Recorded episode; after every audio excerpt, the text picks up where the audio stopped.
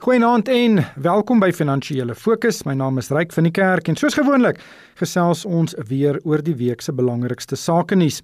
Ek het twee gaste om my te help sin maak van die gebeure. Christo van der Rede is die uitvoerende direkteur van Agri SA. Goeienaand Christo. Goeienaand Ryk en goeienaand aan al die luisteraars en al ons gaste. En ook Jaco Joubert, hy's 'n finansiële raadgewer en portefeuljebestuurder by PSG. Goeienaand Jaco. Goeienaand Ryk en al die luisteraars. Christo, kom ons begin by die president wat hierdie week die eerste keer in maande 'n perskonferensie toegespreek het. Dit was donderdag in die parlement en hy is gevra wat hy dink van die onderhandelinge tussen die ANC en die EFF oor die voorgestelde verandering van artikel 25 van die grondwet. Dit was eh, binne die portefeulje komitee wat spesifiek kyk na daardie beplande verandering. En die president het toe gesê die ANC steun glad nie die EFF se beleid van voogdyskap of die nasionalisering van grond in Suid-Afrika nie.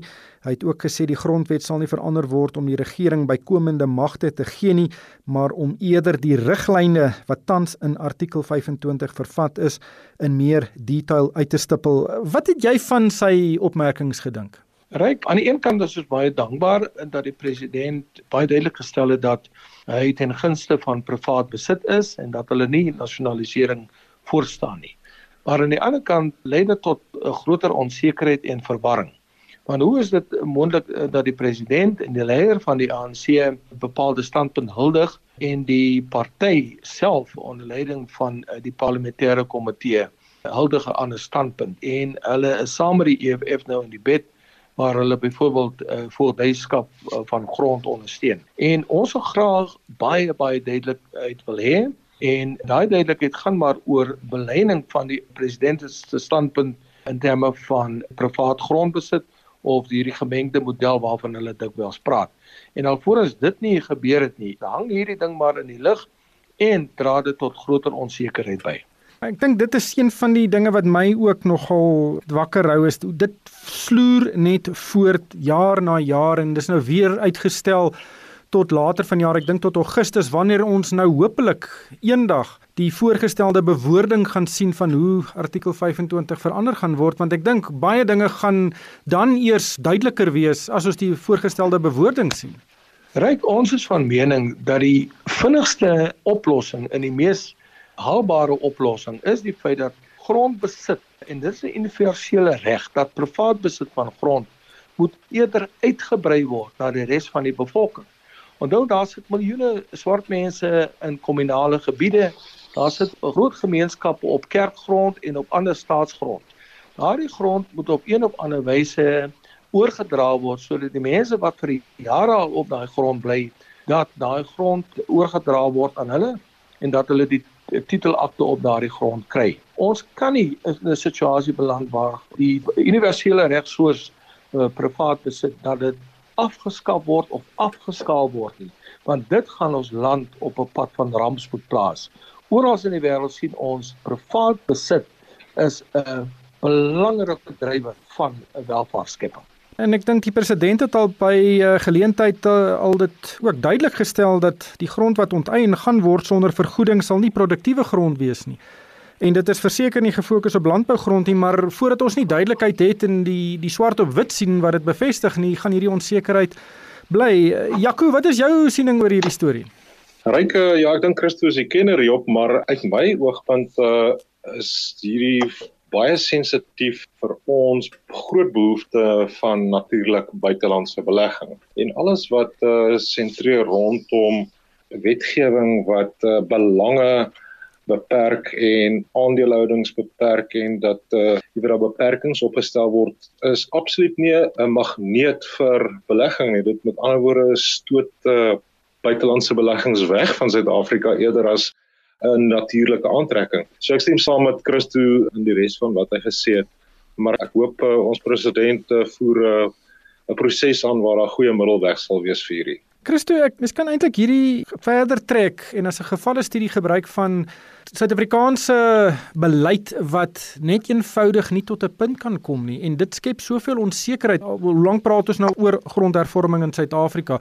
Hoe lank praat ons nou al oor bemagtigingsregulasies in die mynbedryf?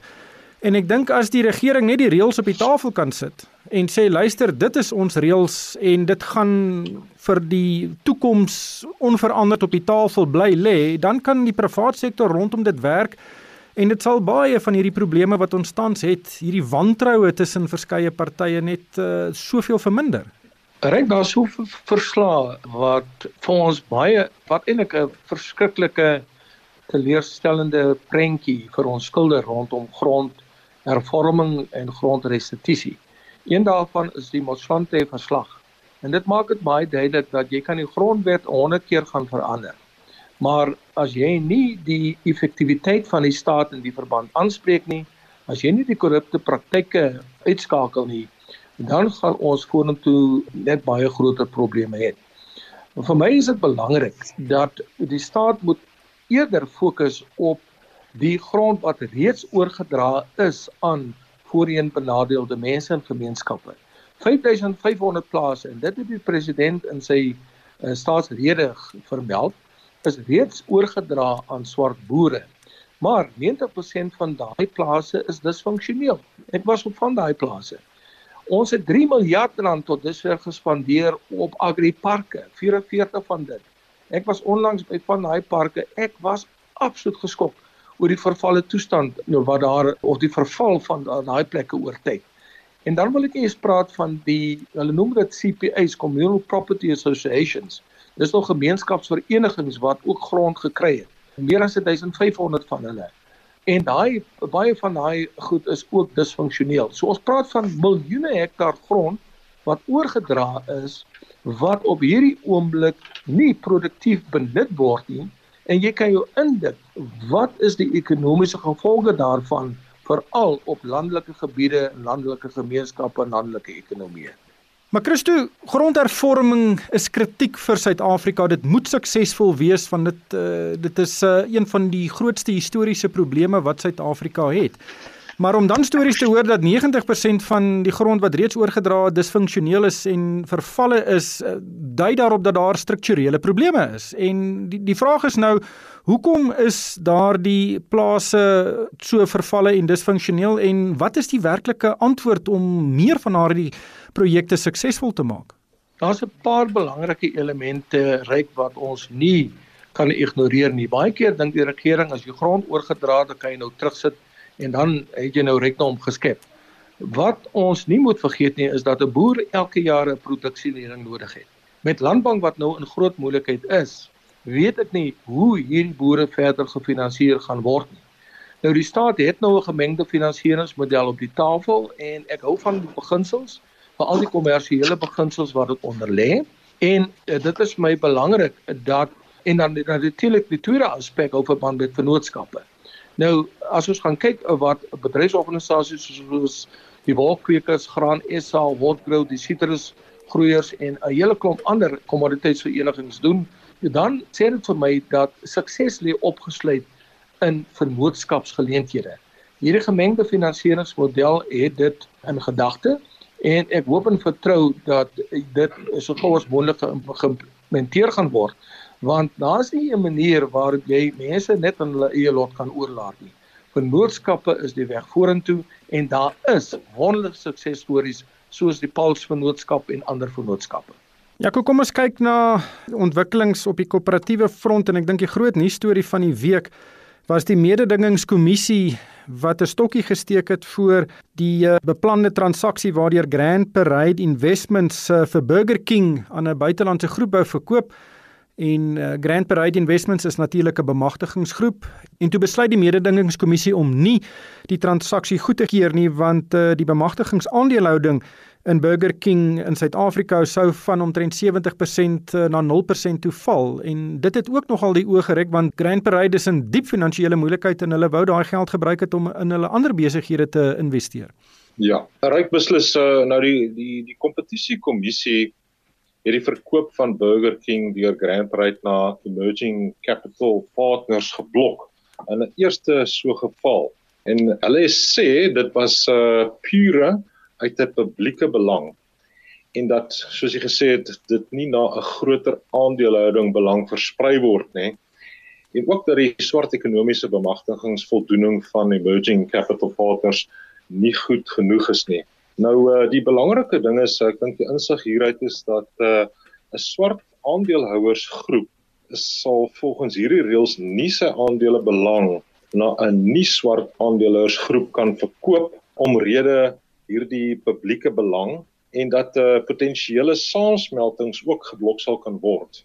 En ek dink wat ook verder belangrik is is dat ehm um, hierdie is nie goed vir uh, buitelandse beleggings nie en dit sal ook die die die aantreklikheid vir 'n notering kan beïnvloed.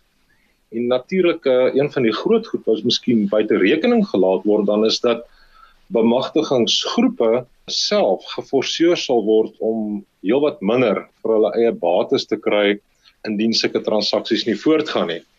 So ja, dit is 'n uh, dit is 'n wesenlike besluit gewees deur die kompetisie kompetisie hierdie week uh, ryk. Ja, die saak is nou nog nie heeltemal afgehandel nie. Die partye sal nog uh, voor die mededingingstribunaal wat die finale besluit neem nog hulle saak kan stel, maar ek dink baie mense dink dat uh, daar's nie 'n pragmatiese benadering hier nie die mededingingskommissie het natuurlik die wetgewing gevolg, maar ek dink daar moet dalk bietjie pragmaties gedink word oor die saak. Maar Christo, die ekonomiese vooruitsigte vir Suid-Afrika lyk baie goed. Ons het verlede week daaroor gesels. En hierdie afgelope week het ons weer ekonomiese aanwysers gesien wat daarop dui dat die ekonomie dalk heelwat vinniger herstel as wat baie mense dink. Ons het gesien dat motorverkoopsyfers flink was en ons het ook gesien dat die aankope bestuursindeks wat basies die die vooruitsigte van vervaardigers meet ook heelwat opgeskiet het. So daar is 'n uh, positiwiteit oor ons ekonomie in die lig. Maar toe sien ons weer wesenlike beurtkrag en die vraag is nou net het ons genoeg elektrisiteit te midde van Eskom se probleme nou en die projekte wat hulle het om hulle instandhouding nou te versnel om hierdie oplewing in die ekonomiese groeikoers te te, te ondersteun. Ryk beerkrag hou 'n wesenlike risiko in vir uh, die landbousektor spesifiek, maar ook vir veral die mynboubedryf en ook vir vele ander sektore. Maar van uit die aard van my werk fokus ek natuurlik op die landboubedryf. Onthou nou ons is besig met uh, die oes van mielies, oes van soja. Hierdie goed moet vervoer word in hawens toe. Ek het net onlangs gesels met die hoofde van Transnet en dit het my baie duidelik gebleik dat ons ernstige probleme het in terme van kragonderbrekings nie. Dit beteken dat daai trein kan nie die goed vervoer na die hawens toe nie. En dan 'n ander groot probleem is natuurlik die diefstal van koperlyne en elektrisiteitsbedrading en so voort. En die goed moet aangespreek word want die uitvoer van landbouprodukte hou groot belofte in vir Suid-Afrika en dit lei tot groter inkomste dit help ook met groter herskepping en allerlei ander uh, geleenthede van Suid-Afrika. Die ander probleem is dat die sitrusboere is ook besig om hulle sitrus te oes en hierdie goed moet verkoel word uh, en ons moet seker maak dat ons goeie produk na die en 'n kwaliteit produk na die buiteland toe verskeep. En as jy onderbrekings het in elektrisiteit, kan dit ernstige nadele in vir jou verpakkingsstore, verkoelingsstore en so voort. So dit moet so gou as moontlik aangespreek word. Anders gaan ons die geleenthede wat die landbousektor op hierdie stadium vir die land ontsluit, kan ons dit in die wiele ry. Ja, dis interessant want ons primêre sektore van die ekonomie, die mynbou en landbousektor het eintlik ongelooflike vooruitsigte vir ons. Ons sien 'n kommoditeitssiklus wat regtig stewig in 'n bulmark is in die mynbedryf. Ons landbouseisoen lyk ook baie baie belovend. Ons het goeie reën gehad en die pryse van baie sagte kommoditeite is baie hoog insluitende mielies. Mense wil dan nie hê dat iets eenvoudig soos elektrisiteit nou 'n stok in daardie wiel druk nie. Inderdaad, en ook vleisproduksie hmm. en al hierdie tipe van goed, wanneer ons kry goeie boere kry goeie pryse vir hulle vleisprodukte en dit is 'n tekening van 'n ekonomie wat nie net plaaslik maar internasionaal besig is om te herstel. So Eskom en al die ander uh, groot rolspelers moet seker maak dat hulle nou nie 'n stok in die wiel is nie, maar dat hulle wel bydra tot die die skep van gunstige omstandighede en ook dat die nodige infrastruktuur daar is om die ekonomie nog verdere opstoot te gee. Dan Jaco, kom ons gesels laastens oor die markte. Ons het 'n relatiewe goeie week op die beurs gehad en veral die wisselkoers het bietjie sy spiere gebild en verstewig. Op een stadium was die wisselkoers onder R13.50 teen die Amerikaanse dollar. Hoe, hoe sien jy op die oomblik die markte en die wisselkoers? Ja, ryk ongetwyfeld. Ek dink dit die dat die rand en die uh, hoër oliepryse het uh, beslis uh, die kolle gesteel hierdie week. Maar die rand het uh, hier by Woensdag tot 'n vlak verstewig wat ons uh, ongeveer 2 en 'n half jaar laas gesien het. En uh daar is die hoër risiko op tyd vir opkomende markte soos Suid-Afrika vir belegging nou. En um, op uh, Woensdag het die JSE ook uh, by bokant uh, 69000 punte gesluit. Maar uh dit was uh ook grootliks beïnvloed deur maandag se handelsbalans surplus na natuurlik die rand wat verstewig het soos ons deur SARS se uh, bekendmaking gesien het. En hierdie surplus in April was uh heelwat uh hoër as verwag, hier by 51 uh, miljard rand teenoor 31 miljard rand verwag. En in Maart was die surplus uh eintlik 'n bietjie hoër op 52 miljard rand. So wat ons wel sien is dat uitvoere in April was wel met 3.9% laer, maar dit bly uh, nog steeds heelwat hoër as invoere op hierdie stadium. Ons invoere was ook omtrent seker oor die 10% laer. So dit is wat die rand op uh, op die oomblik beïnvloed het en veral hier teen die middel van die week waar hierdie syfers bekend gemaak is. En die invoere van goed soos uh, masjinerie, elektroniese goedere, chemiese produkte, komponente was almal laag, maar ons handel met Asië wat uh, ons grootste handelsvernoot is in terme van invoer behoort in die derde en vierde kwartaal te begin verander want 'n Suid-Afrikaanse maatskappy gaan op 'n stadium moet begin bestel en as natuurlik ook die impak van aankope vir Kersfees. So ek dink die groter uitvoer van uh minerale metale en teen hoër pryse op hierdie stadium beïnvloed die rand. En dat uh ons kan ook nou sien dat die rand het hierdie week al klaar uh, teen die einde van die week uh, verswak teenoor die dollar weer wanneer die Amerikaanse diensneme syfers was 'n bietjie beter as verwag in die private sektor. En die groot ding is is dat uh, ons rand uh, op hierdie oomblik is 'n groot uh, besprekingspunt dat die rand eintlik verstewig, maar ek dink is van uh, tydelike aard en ons sal sien in die tweede deel van van die jaar gaan dinge heel moontlik verander want dit moet verander. En ook van die redes hoekom dit sal verander is is dat ek dink die die die vaksineringsproses in Amerika is baie ver gevorder, dat meer as 50% van die bevolking al gevaksinereer en hulle verwagting is omtrent 75% in die volgende 5 maande wat beteken dat die ekonomiese groei daar sal toeneem? En dis inflasie sal toeneem en dan gaan daar druk wees op rentekoerse. En sodra die druk op rentekoerse daar is en rentekoerse begin hoog dan sal die rand weer keer onder druk wees want dit is een van die bes verhandelde opkomende markte geldeenhede. Maar wat die ekonomie is uh, sulks betref ons sien 'n JSE wat uh, in 'n bulfase amper is. Ons sien goeie syfers uh, van produksie. Die PMI syfers het gewys dat uh, ja. die stygings is wel wat hoër. So ek dink ons is op 'n goeie plek. Die groot faktore op hierdie oomblik is net vordering met vaksinering en die derde vlaag, die golf wat ons moet oorkom en gesamentlik met dit uh, soos wat Christo genoem het, uh, beerkrag wat 'n groot rol speel.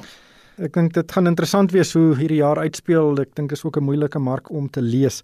Maar die tyd het ons ingehaal. Baie dankie aan Christo van der Rede. Hy is die uitvoerende direkteur van Agri SA en ook Jaco Joubert. Hy is 'n finansiële raadgewer en 'n portefeuljebestuurder by PSG. En vir my ryk van die kerk, dankie vir die saamluister en ek hoop almal het 'n winsgewende week.